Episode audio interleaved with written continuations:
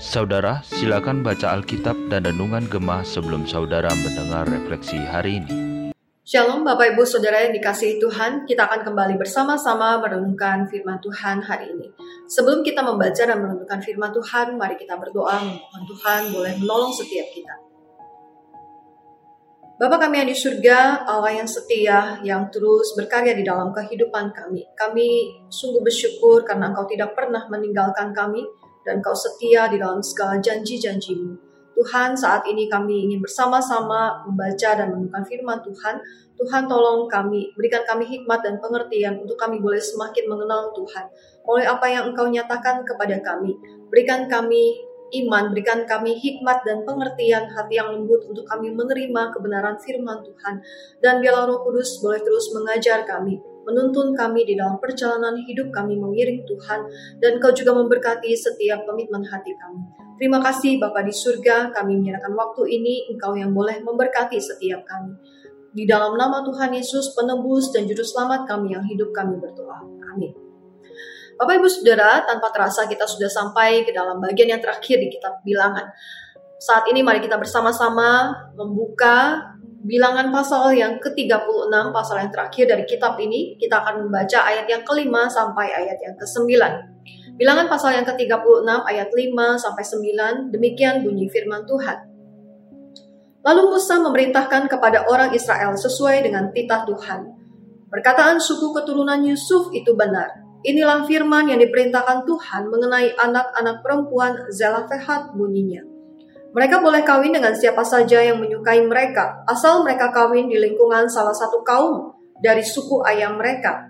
Sebab milik pusaka orang Israel tidak boleh beralih dari suku ke suku, tetapi orang Israel masing-masing harus memegang milik pusaka suku nenek moyangnya.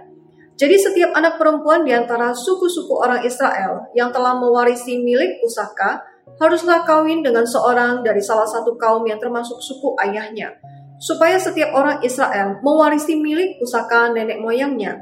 Sebab milik pusaka itu tidak boleh beralih dari suku ke suku, tetapi suku-suku orang Israel masing-masing harus memegang milik pusakanya sendiri. Amin. Demikian jauh bacaan firman Tuhan, berbahagia setiap kita yang baca, merenungkan, dan juga melakukan firman-Nya.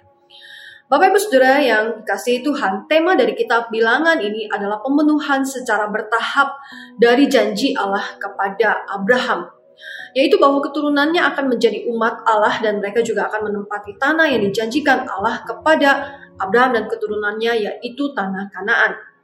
Tanah Kanaan merupakan tujuan yang ingin dicapai dari kitab bilangan di dalam pasal 1 misalnya Bapak Ibu Saudara kita melihat ketika sensus diadakan kepada para laki-laki yang dapat berperang, maka mereka sedang dipersiapkan untuk berjuang demi tanah perjanjian. Lalu pasal yang ke-10 kita melihat ada pergerakan dari bangsa Israel di mana mereka memulai perjalanan meninggalkan gunung Sinai dipimpin oleh tiang api Tuhan untuk menuju ke tanah yang dijanjikan Tuhan kepada mereka. Lalu di pasal 13 kita melihat bahwa bangsa Israel telah sampai di batas selatan tanah itu dan Musa mengirim mata-mata untuk mengintai mengawasi kondisi dari tanah Kanaan. Tetapi laporan suram dari ke-10 penyintai tentang tanah, tanah Kanaan itu membuat orang-orang Israel kemudian menjadi tawar hati kepada Tuhan. Sehingga Tuhan membuat mereka mengembara di padang gurun selama 40 tahun. Namun paruh kedua dari kitab ini kembali menceritakan pergerakan bangsa Israel menuju tanah Kanaan sampai mereka tiba di batas timur tanah Kanaan yang dibatasi oleh sungai Yordan. Dan pasal yang ke-36 ini yaitu pasal terakhir dari kitab Bilangan. Penulis menekankan kembali tentang perintah dan janji Tuhan yaitu bahwa setiap suku Israel harus memiliki tanah milik pusakanya masing-masing.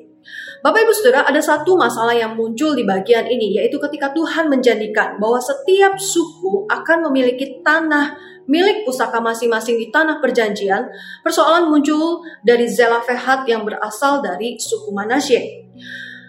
Zelafehat merupakan generasi pertama bangsa Israel yang keluar dari Mesir bersama-sama dengan Musa. Tetapi persoalannya adalah dia tidak memiliki anak laki-laki untuk mendapatkan hak warisan. Dia hanya memiliki anak-anak perempuan dan ada lima anak-anak perempuan yang disebutkan di sini.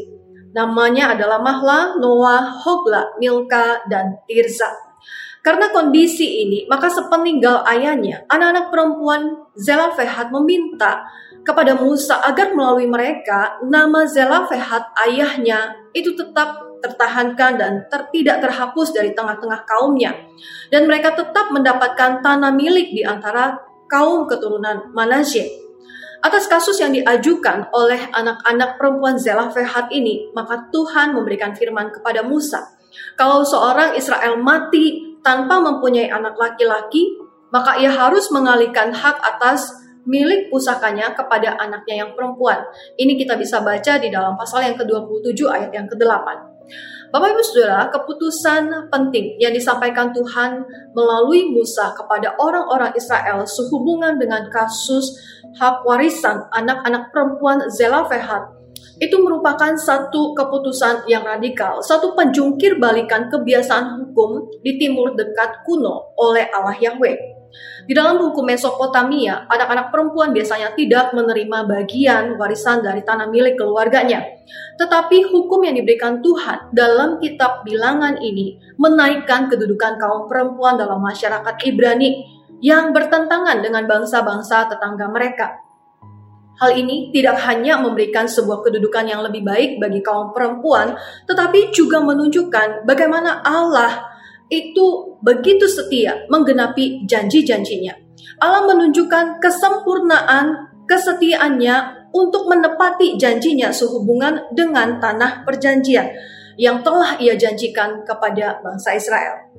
Bapak Ibu Saudara kita melihat di sini bahwa Allah tidak pernah lalai di dalam menepati janjinya dan anak-anak perempuan dari Zelafehat ini harus memperhatikan dan melakukan sesuatu untuk mempertahankan tanah milik pusaka mereka, yaitu mereka harus menikah dengan pria dalam suku mereka sendiri sehingga tanah milik pusaka dari suku mereka itu tetap bisa dipertahankan.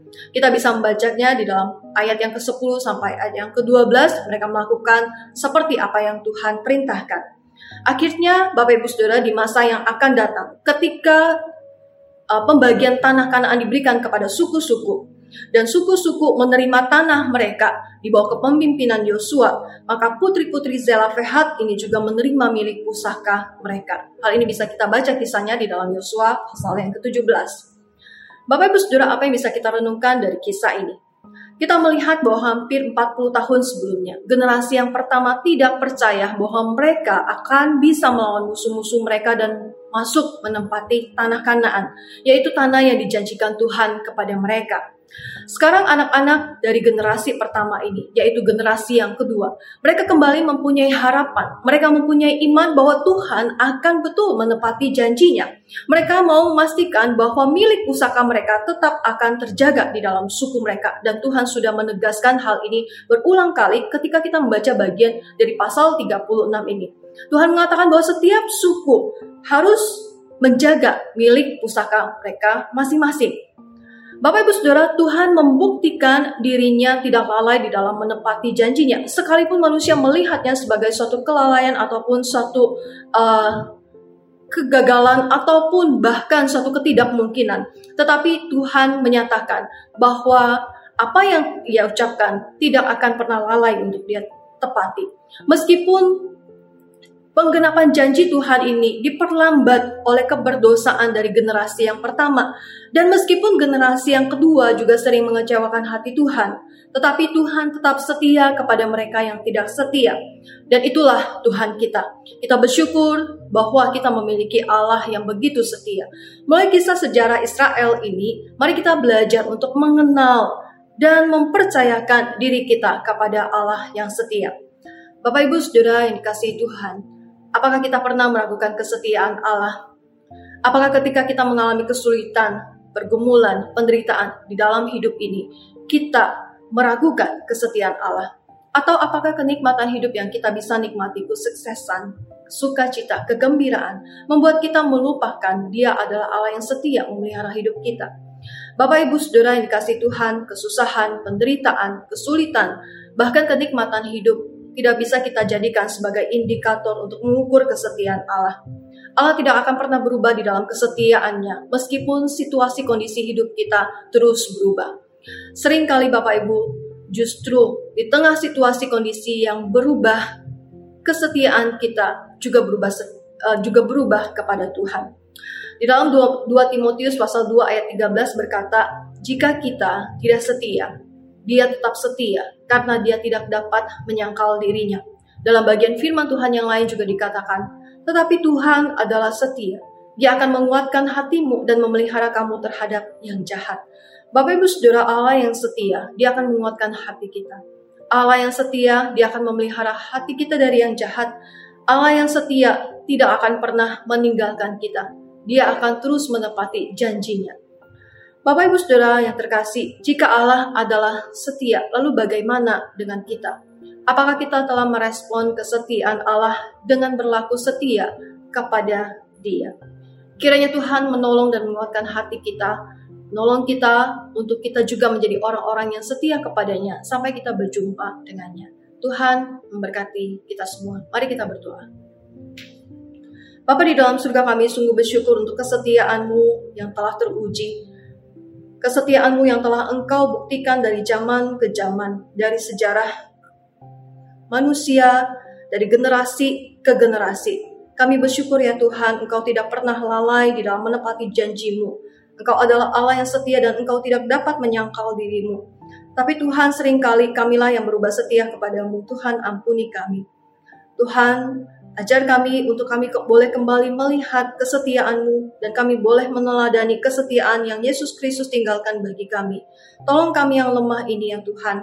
Tolong kami kuatkan hati kami supaya kami juga boleh tetap setia kepada Tuhan apa pun yang menjadi situasi kondisi di dalam kehidupan kami.